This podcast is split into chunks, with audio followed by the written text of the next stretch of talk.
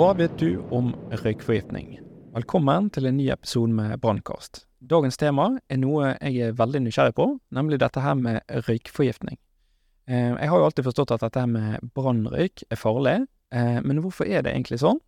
Og hva skjer egentlig med disse menneskene som er utsatt for denne brannrøyken? Til dette så har jeg fått med meg eh, Mette Ekeland fra Folkehelseinstituttet for å snakke om dette store temaet. Velkommen, Mette. Takk. Tusen takk for invitasjonen. Bare hyggelig. Hvordan går det? Jo, det går bra. Jeg har akkurat kommet hjem fra forgiftningskongress i forrige uke, så det var veldig spennende. Ja, hva, denne, hva var denne eh, kongressen egentlig? Ja, eh, det er den europeiske eh, ja, kongressen i klinisk toksikologi, som i praksis betyr forgiftninger, da. Behandling av forgiftninger. Eh, og det har blitt sånn at det er ganske mange også fra USA og Australia der, så det er litt sånn verdenstreffet for forgiftninger som arrangeres en gang årlig, fire dager. Med, ja, fra morgen til kveld med bare masse forskjellige forgiftninger. Så det er veldig gøy. Så kjekt, da. Da er du eh, klar da for å eh, bli spurt ut. Eh, nå er det litt sånn eksamen. Vi får se da hvordan det går. Så hva er din rolle i FHI, egentlig? Ja, jeg er seniorrådgiver, jobber ved en eh, avdeling som heter Giftinformasjonen. Som kanskje noen har vært borti. Vi, viktigste oppgaven vår er at vi har en døgnåpen telefon hvor alle kan ringe og spørre om akutte forgiftninger. Så sånn som jeg jobber, så jobber jeg ca. halvparten av tida mi med å svare på telefoner. Og dagtid og kveldstid og nattestid og julaften og nyttårsaften og alt mulig. Og andre halvparten så er jeg på kontoret og gjør mer, ja, litt kjedelige ting, men også sånn overvåkning av fagfeltet og gjøre kunnskapsoppsummeringer. Og da fordeler vi litt tema mellom oss. Et av mine tema som jeg har jobba med i ganske mange år, er branngasser. Ja. Mm. ja, for da er du en liten sånn eh, ekspert eh, på dette her, da? Ja, vi får håpe det. Jeg har i hvert fall skrevet i, på, på helsebiblioteket forgiftninger.no til helsepersonell de nasjonale retningslinjene for behandling av røykforgiftninger, sammen med legene våre, selvfølgelig, men eh, så hvis jeg ikke kan det, så er det ikke bra. ja, men det høres ut som du er rett person, og hvis jeg eh, ringer til giftinformasjonen rundt brann, eh, altså røykforgiftning, så kan det være jeg får eh, snakket med deg igjen. Det kan det være. Det er jo ganske mange som deler på det, da, så det kan være at det blir en av de andre også. Så bra. Um, dette med forgiftning, altså dette virker jo Dere har jo vært på kongress og alt mulig. Dette virker som et enormt fag, dette med forgiftning. Mm. Jeg har jobba ved Giften i litt over 20 år. Eh, og jeg er en person som kjeder meg lett, men jeg har ikke kjeda meg ennå. Så, og det er jo, vi begrenser jo til de akutte forgiftningene. Ja. Så ikke kreft og bivirkninger av legemidler eller sånne ting, egentlig. Eh, men likevel så er det masse å ta av. Det er mange spennende dyr, og mange spennende legemiddel og produkter og ja. Så det Man går ikke lei. Men det virker jo veldig spennende bare plutselig få en ny sak og bare Å, hva er dette for noe? Mm. Heldigvis så er ikke alt like spennende, på et vis, da. Eh, store eh, Vi har cirka, eller sånn rett under 50 000 telefoner i året. Eh, og mange av dem dreier seg jo om barn i den smake på-alderen. Og i Norge er det heldigvis ikke så veldig mye å få tak i som er veldig farlig i små doser. Men det finnes jo noen uhell som er farlig, og så er det jo litt sånn når folk gjør ting med vilje, eller det blir Ja, man plukker sopp og spiser sopp, og så vet man ikke noe om sopp, for eksempel, eller ja, sånne uhell som kan være alvorlige. Så det er stor spredning. Mye fluesoppspising, eller? Eh, de får ikke vi så mye spørsmål om, iallfall. Hvor mye fluesopp spises skal jeg ikke uttale meg om, jeg tror ikke det er noe sånn veldig stort fenomen. Um, men da tenker de fleste, når de sier fluesopp, så tenker de på rød fluesopp. Ja. Vi har jo hvit fluesopp i Norge. Ja, ja eh, Heldigvis ikke veldig mange som spiser den. Men det er eh, Det hender jo. Ja. Og den ødelegger blant annet leveren, sånn at det er ikke så bra å bruke den som mat. Hva med dette her med fleinsopp, da? Nei da. Eh, altså fra vår side, som jo stort sett får spørsmål eh, når det ikke går som det skal, Mm. jo kanskje fra legene, eller når noen har oppdaga at noen har gjort det, så er det sånn kroppslig sett vanligvis ikke veldig farlig. Mm. Eh, faren der er knytta til hvis man får veldig dårlige opplevelser, eller man blir psykotisk, eller sånne type ting. Så det, eh, vi får jo som regel spørsmål når det ikke går bra. Mm. Høres ikke noe veldig hyggelig ut, men eh, det er ikke en, den ødelegger ikke leveren eller nyrene eller noe sånt. Det gjør den ikke. Eh, nei, men eh, så bra. Det var ikke meningen å falle helt fra, men nå når jeg endte spurte om den ene Ikke noen fleinsopp er veldig spennende, den, altså. Det skal jeg ikke gå inn i. Ja, nei, jeg måtte bare spørre, så uh, Så sånn er det. Men det, denne podkasten handler jo om, om røykforgiftning, ikke om å ta fleinsopp eller andre sopper, da. Men jeg, jeg tenker jo dette her med Hvis vi skal egentlig gå rett på dette her med, med brann, da. Um, for det er jo sånn at det som dreper under en brann, det er jo ikke brannen i seg sjøl, men det er røyken som eh, kommer fra, eh, som kommer fra dette. Altså, hvor farlig er egentlig eh, brannrøyk? Jeg må jo spørre om det. Ja, altså jeg tenker at eh, brannrøyk er giftig. Mm. Det, det Nesten alle har jo til og med kanskje erfart bare hvis man sitter ved bålet, ikke sant, at det begynner å renne fra øya og nesene og sånn. Og man tenker kanskje ikke på det som så veldig farlig, men hvis du ikke hadde hatt muligheten til å komme deg unna det, så, så kan det være et problem hvis du puster inn mye av de veldig irriterende gassene som, som er der. Eh, så brannrøyken er eh, på en måte giftig eller farlig, men det handler jo også om eksponeringen. Mm. Det er liksom noe som vi som jobber med forgiftninger, er- akutte forgiftninger iallfall, er veldig opptatt av. Dose. Ja. Det er vel så mye på en måte dose eller eksponering som avgjør om det er farlig eller ikke, som agense, da. Eh, Men selvfølgelig, noen ting er farlig i veldig små mengder. Og når det gjelder brannrøyk, så er det veldig, veldig spennende. Fordi at der er det så mange forskjellige eh, ting. Eh, og vi kan jo snakke mye lenger enn den podkasten her skal vare om sammensetninger av brannrøyk. Men eh, det ene er jo dette med de irriterende gassene, som Mm. jeg snakka om. Eh, og så har man det som vi kaller for de systemtoksiske gassene, altså de som tas opp i kroppen og gir en forgiftning Mm. i hele kroppen. Og der er de to som er på en måte aktuelle å tenke på. Det er eh, Kan jeg gjette? ja, gjett. Oh, yes. Ja. Å, eh, ja, du, du, du sa jo det, Mm. karbonmonoksid, Mm. og så Åh, Åh, nå sto det litt stille her, men kan det være Hitler brukte som avlivningsmiddel, dessverre. Åh, Hitler. Syklon B. Syklon B. Mm. Eh, Veldig sånn klassisk giftstoff. Eh, Det som man kan spise eh, saltene, eller man kan inhalere gassen. Natriumklor Nei. Ja, du er inne på det. Natrium. Natriumcyanid er én av forbindelsene. Hydrogencyanid er jo gassen, da. Ah, Så cyanid. Mm. jeg var nettopp eh, i uh, Auschwitz, jeg, så jeg burde jo faktisk kunne dette her. Men jeg vet ikke hvor mye de markedsfører akkurat hva det var. Men det er jo da, for å ta den med en gang, en gass som på en måte på godt og vondt tas opp veldig fort når den blir gass. Man puster inn og virker veldig fort. Sånn at man vet ganske fort om det gikk bra eller ikke så bra. Mm. Eh, Så hvis man liksom har kommet seg ut av brannen og ikke har hatt veldig mye symptomer, så, så er på en måte cyanidfaren avklart, da. Ja, ok, så Så kullos eller karbonmonoksid, eller CO som vi ofte sier litt sånn for kort, eh, det er den andre av de såkalte systemtoksiske gassene. Og så er det noen andre ting å tenke på, og det ene er jo det her med oksygen. Ja. Brannen forbruker oksygen, så dermed blir det, kan det bli litt oksygen. Eh, både cyanid og CO har litt med oksygen eh, å, eh, å gjøre. Og så har man de irriterende gassene som kan på, og temperaturen som kan påvirke luftveiene, som også kan tulle til systemet vårt for, for pusting, da, eller få, få oksygen til kroppen. ja, fordi da kan det bli rett og slett Altså du kan brenne lungene, eller hva, hva, hva mener du? Brenner ikke lungene, Ja, altså eh, men temperaturen Ja. blir eh, Det er det øvre delene. Ja. Og det, er, det, det dreier seg jo ikke så mye om forgiftning, så jeg kan ikke veldig Ja. detaljene i det. Eh, men de irriterende gassene, Mm. det har man jo merka når vi puster inn bålrøyken, som vi snakka om. Mm. eh, det irriterer ganske sånn raskt. Eh, men det fins også noen gasser som ikke er så vannløselige, og dermed ikke reagerer så fort, så man kan få det litt lenger ned.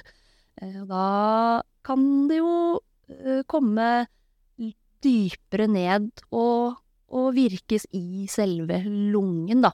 Så både det at det kan uh, lage problemer øverst i svelget, hovne opp og så man ikke liksom får puste skikkelig, og nedover i luftveiene. Så her er det mange muligheter for hva som kan skje. Ja, ok. Karbonmonoksid og cyanid eh, i, eh, som er Ja, ok, ok. Og så er det veld, sikkert veldig mange andre kjemiske forbindelser i eh, Veldig mange andre. eh, Hundrevis ofte. Eh, Så eh, hvis vi skal si litt om det med sammensetning av, av brannrøyk, så er jo det det er et tema som jeg tror eh, man kan bruke i hvert fall en livstid eller to, sikkert flere, på å sette seg inn i. Det er kjempespennende og kjempekomplisert.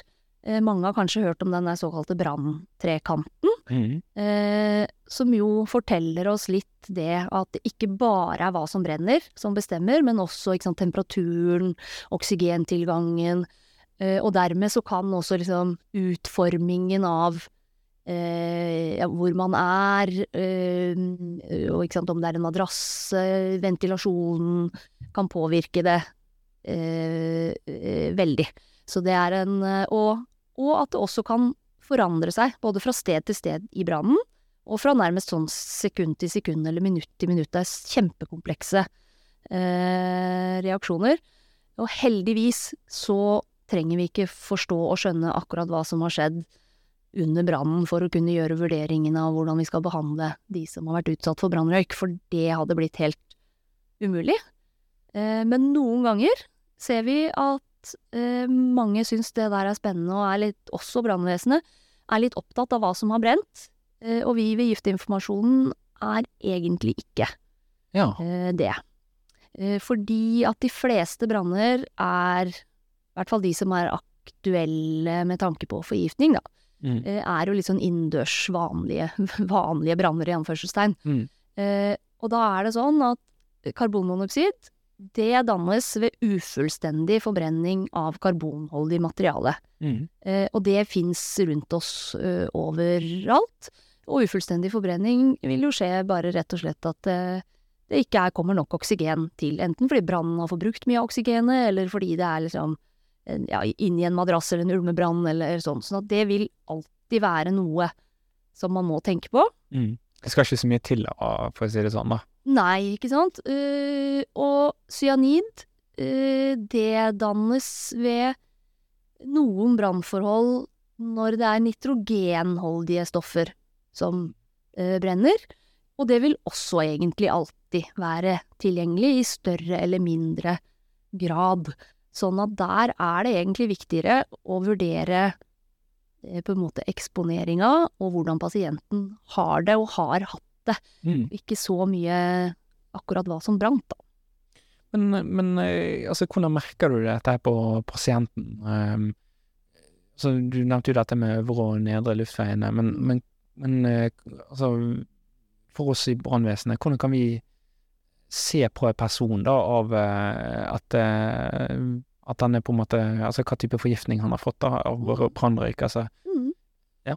Vi kan jo ta eh, cyanid først, for den var vi jo litt inne på, det er kanskje den enkleste. Da er det litt sånn at hvis personen har kommet seg ut og er ved bevissthet og noenlunde grei, eller hva man skal si, så, så er det greit.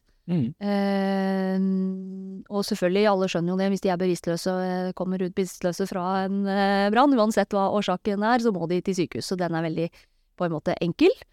Eh, når det gjelder kullos, så er det jo også litt sånn at man kan styre mye etter hvordan de faktisk har det der og da.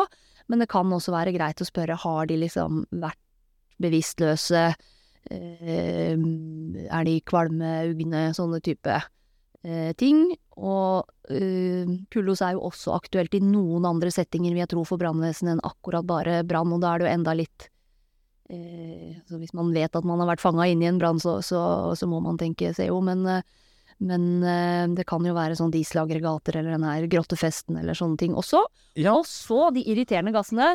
Der er det jo rett og slett mye ut ifra symptomene. Hvis de hoster og harker og Og også litt det, er det sot i nese, og de har hatt en litt sånn eh, På en måte De ikke har hatt mulighet til å komme seg unna. Eh, Så skal de inn i hvert fall til lege for en eh, sjekk, tenker jeg. Altså hvis de, du kan si at det er sånn svart eh, opp nesen, Mm. da er det kanskje Eh, og, eller, eller som sagt også litt sånn hvis de faktisk ikke har hatt mulighet til å rømme fra brannen, på en måte, da. Enten fordi de har blitt fanga i brannen, Mm. eller fordi de er skrøpelige og ikke får det til, eller små barn, eller sånt. De vil jeg ha lav terskel for å, for å få en sjekk, da. Mm. Ja. Um, men ja, du nevnte jo litt dette her ehm, Altså, hva skjer da? Altså um, Dette med forgiftning av disse røyk, denne røykforgiftningen du, du var litt inne på det. Altså, hvor andre steder kan man bli forgiftet av dette her? Eh, Ja, det er jo kanskje særlig eh, karbonmonoksid som er den store der som er interessant. Ja. Som vi jo dessverre interessant? Syns du det er interessant? Jeg syns det er interessant. Eh, eh, det er jo det, men dessverre også tragisk. Jo, jo, jeg bare Ja. Eh, men eh, sant, i utlandet hvor man har hatt Vi har jo brukt mye strøm i, i Norge, men andre steder i Europa og USA så har man jo oppvarming med sant, at det har en sånn furnace eller eh, sånn, at man bruker eller at man bruker gass, sånn at da har de jo større potensiale. Um, det vi ser i Norge med CO, er typisk um, enten bobiler eller hytter hvor man har type altså eh, ting med forbrenning som står og går. Sånn gassdrevet eh, varmtvannstank for eksempel, eller disse diesel- og bensinaggregater. Eh, så det skjer dessverre eh, innimellom, at folk heldigvis ofte våkner opp, da, men på morgenen litt sånn, og så kommer de seg ut, og de er ugne, og de kanskje faller om og er bevisstløse og sånn. Så det er dessverre en litt uh, setting som vi kjenner, eller at folk blir funnet døde i en bobil eller sånne ting. Mm.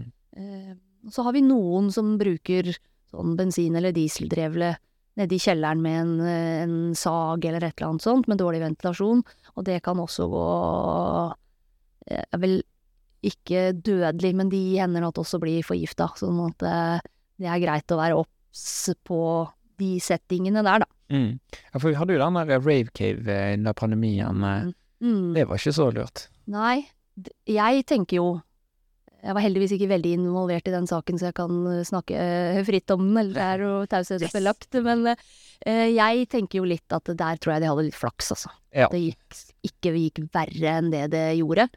Uh, og jeg tror jo også at kanskje det var litt flaks at det var i Oslo. Ja. Eh, Brannvesenet i Obre er jo veldig gode, og det var nært sykehus, og ja, det, jeg tror det var litt tilfeldigheter at det ikke gikk verre, altså. Ja, for de, de, de måtte jo hente ut et par stykker, og eh, det var jo ikke alle som merket det. Altså, og det er jo det med karbonmonoksid, at Mm. du kan ikke se den, du kan ikke smake den, og du kan heller ikke lukte den. Nei. Da begynner det å bli litt farlig. Og vi ser jo det på disse som har holdt på nede i sånne kjellere eller sånt som jeg nevnte, at eh, de fanger det som regel opp før de liksom svimer av, men, men jeg har hatt tilfeller hvor de, ja, de holder på med noe, ikke sant? Og at man får litt hodepine, blir litt uggen, eller det Skal bare gjøre ferdig. Eksosen og Ja, det, det tenker man kanskje ikke så mye eh, på, og, eh, og hvor man da har klart å komme seg ut, og så faller man om der, ikke sant? Eller at man har i hvert fall fått skrudd av det apparatet, og så faller om. Eh, Det er eh, litt sånn marginer som gjør om det går bra eller dårlig, altså. Men jeg tenker jo, eh, for de som ikke vet om Rave Cave, kunne du bare beskrive den kort, eller? Ja, det var jo en sånn veldig eh, grottefest. Grottefest, ja. eh, Akkurat hva det der, men det var rett og slett en slags sånt om det var et, var et gammelt tilfluktsrom eller noe sånt. Ja. som egentlig skulle være sperra av, liten inngang, og så hadde de rigga til en fest inni der. Jeg må innrømme at jeg syns det høres veldig kult ut. Mm. Eh, og for å drive alt som de trengte da inn i den, så hadde de et aggregat stående og gående inne i et lukka rom. Mm. Eh, og jeg tror de hadde gjort litt for å prøve å på en måte hindre at det, det, den sto ikke åpent liksom inne sammen med, med deltakerne, eh, men likevel så genererer de der såpass mye CO at, eh, at eh, det lakk ut eh, på en måte det, Et eller annet sted må det gå.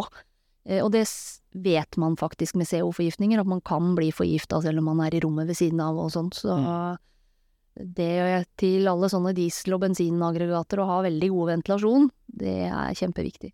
Ja.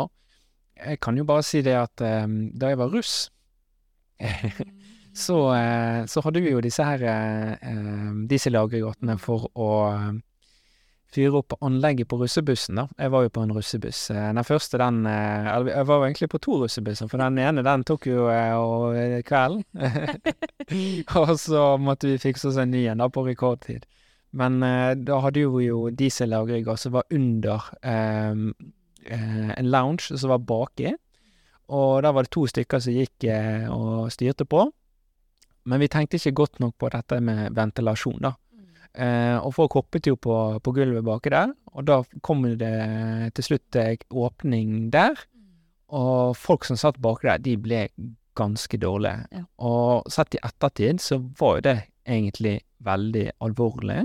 Mm. Og det er jo noe som jeg tenker på i forhold til russen fremover, dette med disse aggregatene, at de faktisk tar en god risikovurdering rundt hvor faktisk det her er plassert, og hvordan det blir ventilert. For bare den Rave Cave-hendelsen, så, så er jo noen som sliter med, med varige men etter det, da. Uheldigvis. Og sånn skal jo ikke det være. Så Nei, det, det um, Ja, det er jo tragisk at Ja. det skjer, og kanskje litt unødvendig også. Ja. Uh, og jeg tenker at jeg er ikke noe uh, veldig sånn bysete person på noe vis. Men akkurat det å være litt obs på sånn uh, dieselaggregater eller ting som sagt som står og går med, med forbrenning, det tror jeg er lurt å tenke seg litt om. Jeg har ikke veldig god greie på disse alarmene, men det fins jo CO-alarmer som jeg tenker at sant, det kan være greit i bobil eller hytter eller sånt, og, og være litt Vite litt hva man gjør, da, hvis man tar med seg ting inn i telt og, og sånn. øh, og jeg har jo venta på sånn kald norsk vår eller sommer eller sånt, hvor man tar med seg kullgrillen inn i, i teltet. Det har vi vel Det var vel ett tilfelle kanskje nå Ja. relativt nylig, men, men ellers så har vi jo egentlig ikke hatt det. Men jeg, jeg er ikke sikker på om jeg ville nesten tatt sjansen i en lavvo en gang, altså. Men det er i hvert fall vær tenk, tenk på det. Og som du sier, sant, med når det er russefeiring eller man tar litt alkohol i tillegg òg, det at man blir kvalm eller at man har hodepine eller føler seg uggen. Man, man trenger ikke skjønne, det kan være helt umulig å skille om det er den ene eller den andre eller begge deler. mm. Så, så det er risikabelt, altså. Ja, jeg merker jo det selv, altså, etter jeg har tatt eh, fire drinker med vodka Red Bull, sant. Altså, jeg merker jo ikke at jeg begynner å bli trøtt og sliten og eh, sliter med et eller annet. Da er det bare å gunne på, sant. Men eh, Og så har man jo i tillegg det liksom, på en måte dessverre vanlige scenarioet med at når man er rusa eller sånt, og så, eh, så, så, så er det lett større sannsynlighet for at man ikke fanger det opp, da, ikke sant, hvis man sovner eller sånne ting med sovner med pizzaen. Altså. Sovner med pizzaen, for eksempel, ikke Ja. sant, eller hvis du da i den russebussen hadde lagt seg til å sove med det aggregatet blitt gående, ikke sant, det er, det er høy risiko, altså. Mm. Men hva Dette med pizza, får dere får masse sånne pizzafolk eh, som steker eh, Ikke veldig mye pizza, tror jeg. Vi får jo noen henvendelser fra liksom, legevakter øh, av og til med, med branner, da, så Mm. det sikkert kan være det. Vi får en god del spørsmål om tørrkoking av smokker. smokker? Ja, for det er småbarnsforeldre, ikke sant, og så har de fôra, skulle jeg sagt, midt på natta, eh, og så skal de koke eh, dette her, og da sovner man jo. Mm. Det er nesten ikke til å unngå.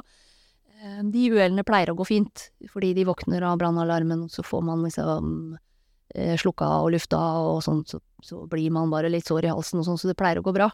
Men eh, det har vi ganske ofte spørsmål om. Mm. Ganske ofte. Mm.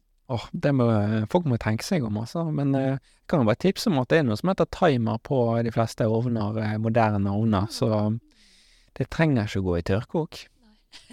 Og så er det jo sånn at på nye, moderne koketopper, da, så, så ser man også at det er Hvis de koker over, så brytes det skillet mellom metall og, og platen, da, at det går rett og slett av, da. Så det er kanskje det Komfyrvakt og sånt. Ja, komfyrvakt, Jeg har fått meg ny, ny Ja, ja, ja. komfyr nå nettopp, og det er jo ganske irriterende. Det der, den piper jo og klager for alt, men, eh, men eh, det er nok verdt det. Ja, absolutt. Det er en, eh, en, en billig investering. Altså, tenk bare å unngå å dø, da. Herregud. Ja. Mm. Det er jo Det er så enkelt. Så ja, ja. Eh, men ja, nå da har vi gått igjennom litt det her med hva som er så farlig med røyken, men, men jeg tenker jo dette her eh, Altså, som du, du nevner jo litt dette med at det er vanskelig å vite det som er i røyken, da. Ehm, ehm, og da er det liksom spørsmålet Når vi ikke vet hvordan, eller hva som er i røyken, hvordan vet vi hvordan vi skal behandle det? Mm. Ehm, for det syns jeg er litt eh, spennende. Og eh, det er jo det som jeg syns er så veldig på en måte bra, da. At hvis man eh, eh, på en måte forenkler det ned til hovedproblemene med, som jeg sa, de irriterende gassene, de systemtoksiske gassene eh, og hypoksi, altså oksygenmangelproblematikken. Og så fins det jo litt sånn altså traume og, og brannskader og sånt i Mm. tillegg, som legene må, og, og brannvesenet sikkert også må, må tenke på. Men forgiftningsmessig, irriterende gasser, systemtoksiske gasser og og, og oksygenmangel, så kan man vurdere ut ifra fra det. Eh, Og da blir det i stor grad å vurdere hvordan har personen det Mm. nå? Hvordan har den hatt det? Ikke sant? Har den vært falt om og, og vært besvimt tidligere, eller sånne ting? Eller har den hosta som eh, kjempeintenst eller hatt problemer med å eh, puste? Og hva eksponeringen har vært. Mm. Var det sånn at du oppdaga at oi, shit, det brant, og fikk skrudd av og kom deg ut, og du har egentlig ikke hatt veldig mye symptomer, eh, så er det som regel ganske greit. Eh, Og så kan de eventuelt ringe til Giftinformasjonen hvis de trenger mer detaljer rundt det. Eh, Eller har de vært av en eller annen grunn fanga av brannen? Har de holdt på veldig med å prøve å redde hunden, eller slokke, eller ikke har kommet seg ut? Eh, Eller ha mye sot i munn og nese, eller sånne type ting? Det er risikosituasjoner. Mm. Så enkelt kan man på en måte gjøre det, da. Ja. Og, og så, så du, du tenker jo det her på med, med, med utviklingen, altså sykdomsforløpet, altså hvor er på en måte denne pasienten vei, på vei i eh, altså med denne påvirkningen har fått? Mm.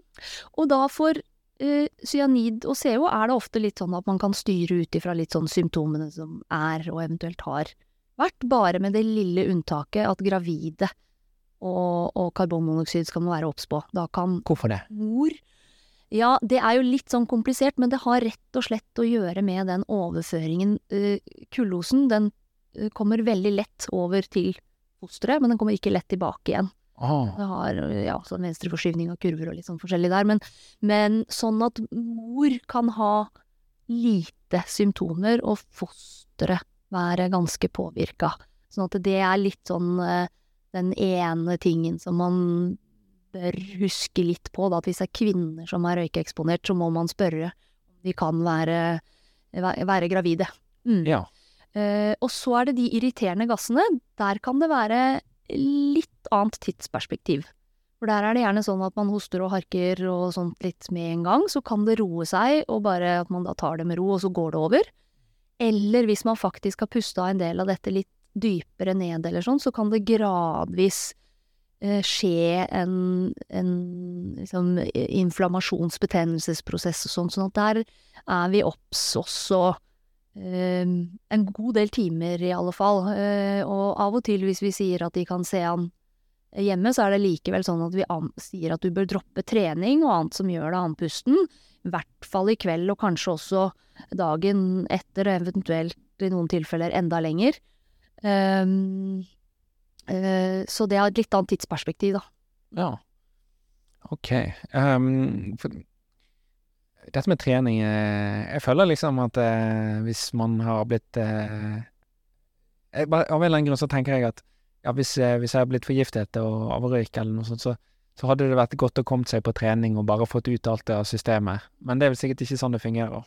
Nei, altså mange har jo den her tanken om å få ting ut av systemet. Mm. Men stort sett sånn, eh, så er det ikke så mye vi akutt egentlig får gjort med det. Kroppen gjør den jobben eh, for oss, særlig hvis vi er friske og raske i utgangspunktet.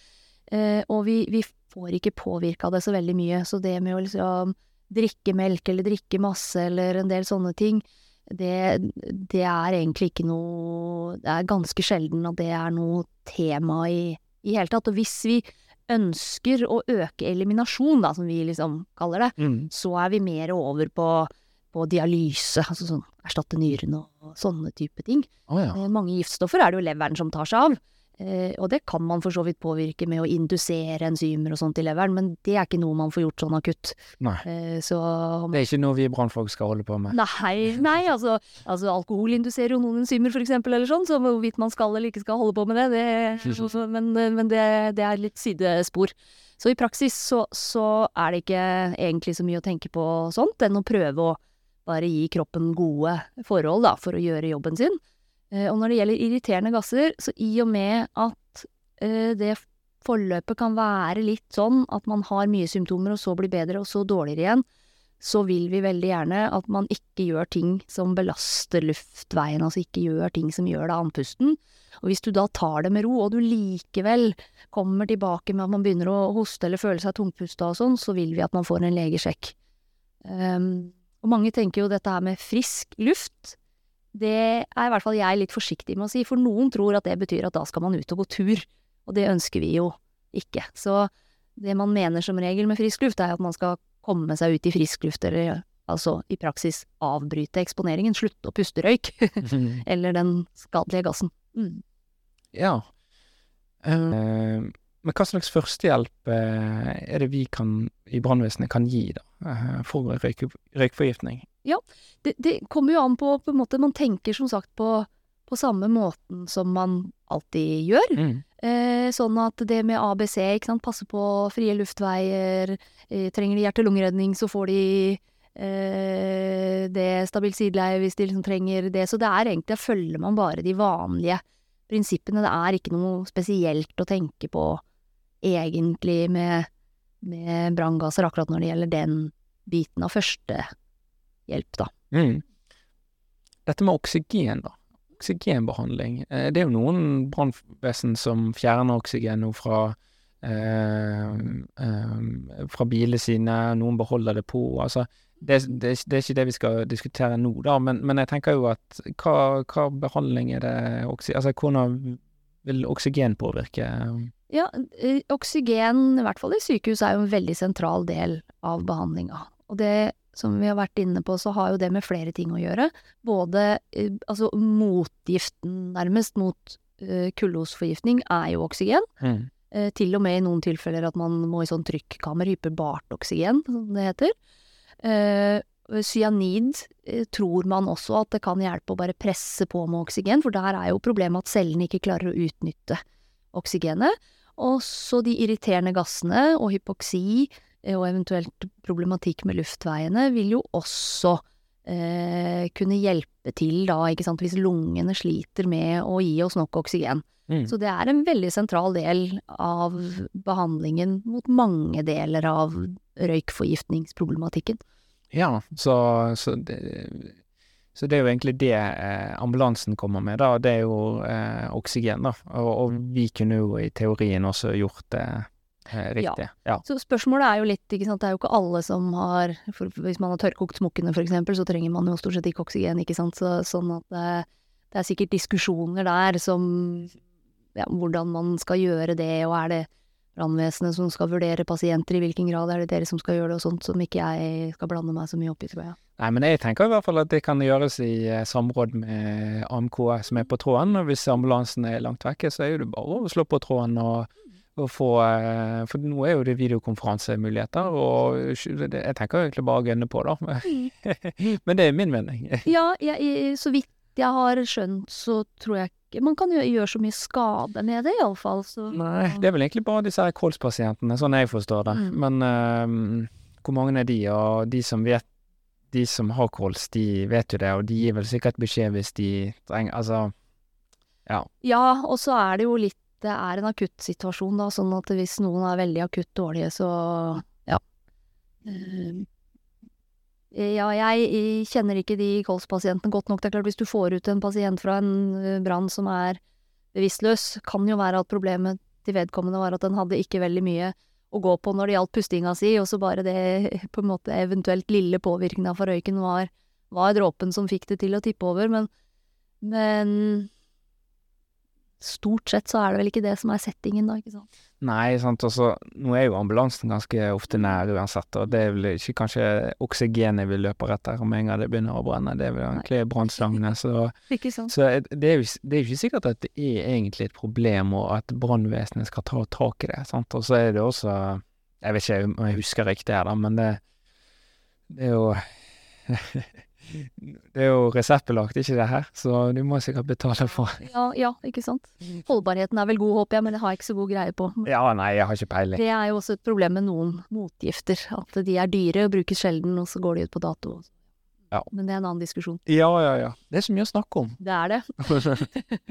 uh, men ja, nå har jo de, um, la oss si da, vedkommende er blitt uh, eksponert, og så kommer eh, Da har vi i brannvesenet gjort våre eh, prosedyrer, ABC og eventuelt oksygen, og så merker vi at eh, OK, um, han må på sykehus. Mm. Hva blir forløpet videre? Du nevnte jo dette med trykk, kammer. Eh, altså, hva er det som skjer? Ja, um, det er Disse her alvorlig røykeeksponerte pasientene er litt kanskje marerittpasienter for mange sykehusleger. Det er mange ting som kan pågå samtidig, og mange ting som kan være alvorlig eh, samtidig. Um, og de må selvfølgelig Det som er fordelen for dem, da, er jo at deres ek eh, ekspertise er jo på å vurdere pasienten som en helhet. Så de eh, kommer inn, de blir nok sikkert ganske fort lagt på på, på oksygen, og så må man jo ha sånn såkalt tilganger og sånt, ikke sant, sånn man kan gi væske og eventuelt de tingene som man trenger. Så tar man nok ganske fort en såkalt blodgass, hvor man ser litt på eh, gass og elektrolytter og syre-base-status i blodet, som gir en del informasjon. Eh, så er det jo de tingene som ikke har med forgiftning å gjøre, som kan være viktig, med brannskader og eh, traume til og med og sånn, eh, som legene må ta hensyn eh, til. Og, og det her vanskelige med at de, både på grunn av temperaturen og kanskje irriterende gasser, risiko for at de hovner opp i svelget, skal de intuberes litt tidlig, fordi at det er risiko for at de blir brått dårligere, eh, og så blir det vanskelig å intubere dem når mye eh, på en måte galt har begynt å skje bak i svelget. Um, så det er ganske komplekse problemstillinger. Eh, Sånn som vi ved Giftinformasjonen på en måte løser det, er at vi kan gi en god del, når de ringer til oss, på en måte førstelinja, informasjon om det generelle, sånn som vi har snakka om nå. Mm. Men disse alvorlige tingene, det går til det vi kaller klinisk bakvakt. Så Mm. er det en erfaren akuttmedisinsk lege, som er forgiftningsekspert også, eh, som snakker med sykehuset, behandlende lege, direkte. Ja. Eh, Så da får de den eh, bistanden. For det kan være ganske komplisert. Eh, Og det er klart, dette med trykkammer, eh, som jo eh, absolutt er aktuelt i de alvorlige, reine CO- eller karbonmonoksidforgiftningene, er litt mer komplisert for en røykeeksponering, fordi dette her eh, veldig avanserte og moderne eh, akuttmedisinen med, med sant, egne team og alt mulig, det er vanskelig å holde på med inni et sånt kammer. Mm. Så der er det eh, igjen, det blir våre kliniske bakvakter som på en måte vurderer det, men tror ikke så ofte at eh, røyk, rein, altså røykforgiftninger går i trykkammer.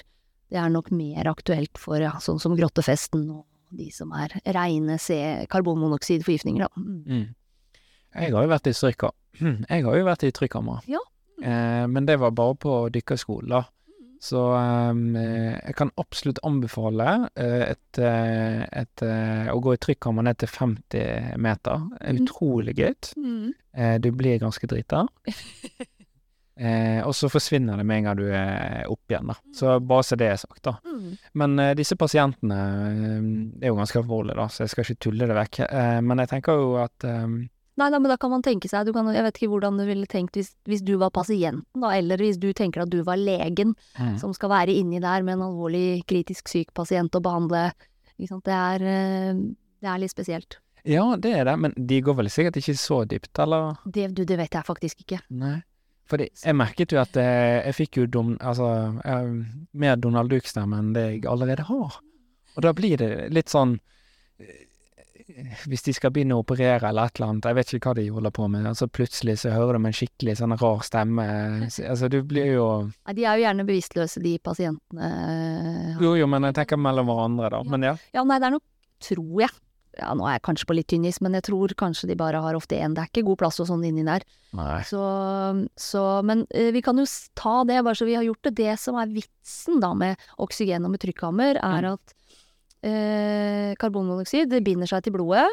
Det gjør, karbonmonoksid gjør mange forskjellige ting i kroppen, men den hovedeffekten er litt det at binder seg til blodet og gjør at blodet ikke får frakta Mm. oksygen. Han binder seg så mye mer, altså han er så Mm. mye lettere Ja, den har større affinitet. Mm. Ja. Er det 4000 ganger, eller hva? Det er jeg faktisk ikke sikker på. Det er litt sånn venstreforskyvning av kurver og litt forskjellige ting som skjer også, men, Ja. men øhm, Og da med å gi vanlig sånn oksygen, 100% oksygen på lukka maske, så kan man gjøre at eh, halveringstiden av den bindinga, altså karboksyhemoglobin, dan Vi har hemoglobinet i blodet, Mm. Eh, og så kommer eh, kullosen og binder seg til det, så blir det karboksyhemoglobin, som da ikke frakter oksygen, for å gjøre det litt sånn enkelt.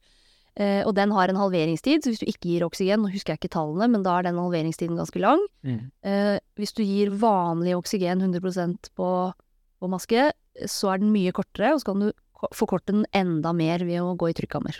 Ja. Ja, ok. Ehm, er det noe annet du kan gjøre med, en trykkammer? Bytte ut blod, for eksempel? Er det en mulighet? Altså Eh, nei, det er nok ikke noe man stort sett eh, driver med for, for gasser. For det gassutvekslinga, det skjer mest over lungene. Det Ja. er ikke nyrene som er det viktigste der. Det er klart, hvis de, sånn som cyanid, gir en veldig metabolsk acidose, heter det. Altså det Mm. gir Man blir sur. Ja, man blir veldig gretten. Ikke, ikke sånn, ikke gretten, men, men rett og slett blodet blir veldig surt. Eh, og kroppen tåler det ikke noe godt. Eh, den eh, melkesyra som blant annet, altså eh, Den kan dialyseres da. Eh, men der er det jo også litt sånn legespesifikke ting som ikke jeg kan så veldig godt, men man må ha et visst blodtrykk for å klare å dialysere og sånn at det Ja, det her er det mange ting som pågår samtidig og sånn, så, så det er ikke helt rett, eh, rett fram, da. Nei. Eh, Men stort sett så blir det jo litt som vi snakka om, at ofte så er dette her en frisk kropp i utgangspunktet. Sånn at mange av tingene er å prøve å hjelpe til med ABC og de grunnleggende tingene. Prøve å eh, hjelpe kroppen til å Og så altså gjør kroppen litt den eliminasjonen selv. Og så har vi da sant, oksygen mot karbonmonoksid.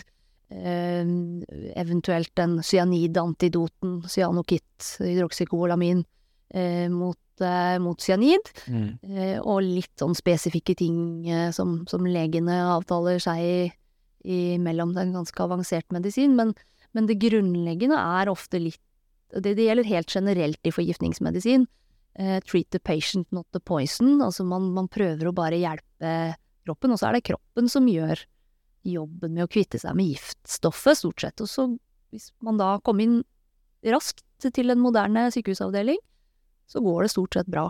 Ja, så, Mm. så det, det, det er på en måte gode Hva skal man si, altså så lenge man ikke har blitt en eh, Har fått en stor eksponering, da, så er prognosen egentlig ganske eh, god, sånn I sett. hvert fall hvis man tenker på generelt med forgiftninger. Ja. nesten aldri at det går gærent. Det er klart, eh, kullos eh, og brannrøyk er nok dessverre litt sånn noe unntak eh, der. Hvis man har hatt en skikkelig kraftig røykeeksponering, blitt Mm. liggende inni en brann og sånn, så kan det være at det er eh, ganske komplisert eh, ting uansett. Og du snakka om grottefesten. Det hender jo at man får seinskader av CO-forgiftninger. Men, eh, men eh, ofte så går det relativt bra, i hvert fall. Jeg merker jo på noen Eller jeg har hørt Hvordan skal jeg si det? Altså noen bare Når de er inne i brannrøyken, eller sover, og så begynner det å brenne, og så kommer røyken. Så bare våkner de ikke igjen. Nei. Mm. Eh, det, det virker jo som at det, det er jo en ganske Eller jeg vet ikke hva jeg skal si. ja, nå er jeg spent. Det er jo noen pasienter som, eh, som blir eh, eh, eksponert, men de bare våkner ikke igjen, er ikke det sånn da? Altså de bare rett og slett kvelt eh, Både cyanid og CO har jo, og for så vidt også oksygenmangel, har jo den effekten at man mister bevisstheten. Hvis man da mister bevisstheten i en omgivelse som, som ikke på en måte er forenlig med liv, enten fordi det er lite oksygen eller eh, kullos eller eh, cyanid i, i lufta du puster, så våkner man jo ikke igjen. Mm. Dessverre. Ja, nei, men det er jo greit å vite. Um, vite. Uh, nå nærmer vi oss Dette er på slutten av episoden, og jeg tenker jo at uh, vi kunne hatt noen punkter uh, lytteren kan sitte igjen med, da, en take home message. Har du det? For, for på en måte brannvesenet så tenker jeg kanskje litt det at når det gjelder førstehjelpen, så gjør man litt sånn som man er vant til. Dette kan dere. Eh, når det gjelder brannrøykeksponeringer, så er det jo kanskje litt det å, å, å holde det relativt enkelt, ikke sant, som vi var inne på med forgiftningsbiten er irriterende gasser, cyanid, CO og eventuelt oksygenmangel. Eh, gjøre det såpass eh, enkelt. Og, og dette med, hvis man syns det er spennende med sammensetning av brannrøyk og hva som dannes når forskjellige ting eh, brenner, kjempegøy. Eh, men i praksis så bør man, med mindre man er veldig avansert, så bør man kanskje legge det litt bort akkurat når du står der med brannen. Um, ja. En annen ting som kanskje også kan være greit å si, som vi ikke har sagt, det er jo det at nå har jo jeg snakka mest om vanlige folk, eller hva man skal si, som er utsatt for brannrøyk. Brannmenn har jo brannrøyk på en måte som sitt arbeidsmiljø. Sånn at det er selvfølgelig andre hensyn som må tas for å sikre at de har en trygg arbeidshverdag, enn det vi vanlige som er utsatt for brannrøyk ved bål eller en brann, kanskje de fleste aldri i livet, heldigvis, men eh, Så det er to litt forskjellige ting, da. En siste ting som, som vi starta med, som vi kanskje kan da avslutte med, er jo det at ja, røyken er giftig, røyk er farlig, men det kommer også an på eksponeringen. Mm. Det er jo liksom Giftinformasjonen er alltid veldig opptatt av det. Eh, the dose makes the poison, eh, ikke sant. Eh, sånn at det å vurdere også hva slags eksponering som har vært, det er viktig. Mm. Og jeg tenker jo at hvis man er usikker, så er jo det bare å spørre om hjelp. Mm. AMK de hjelper gjerne, og ikke minst giftinformasjonen. Mm, Det absolutt. eh, Da tenker jeg at vi runder av. Eh, tusen takk eh, til deg, Mette. Utrolig snilt av eh, deg og dere i FHI, og at dere deler med Eller i Giftinformasjon. At dere deler med deres erfaring og læring rundt dette her faget. Så det setter vi pris på. Tusen takk. Bare hyggelig. Det er jo derfor vi er her. Og det er veldig spennende med brannrøyk, da. Ja, det er det. Eh, tusen takk for at du hørte på episoden. Følg oss gjerne på Facebook og Instagram for flere nyheter, episoder og mer. Takk for nå.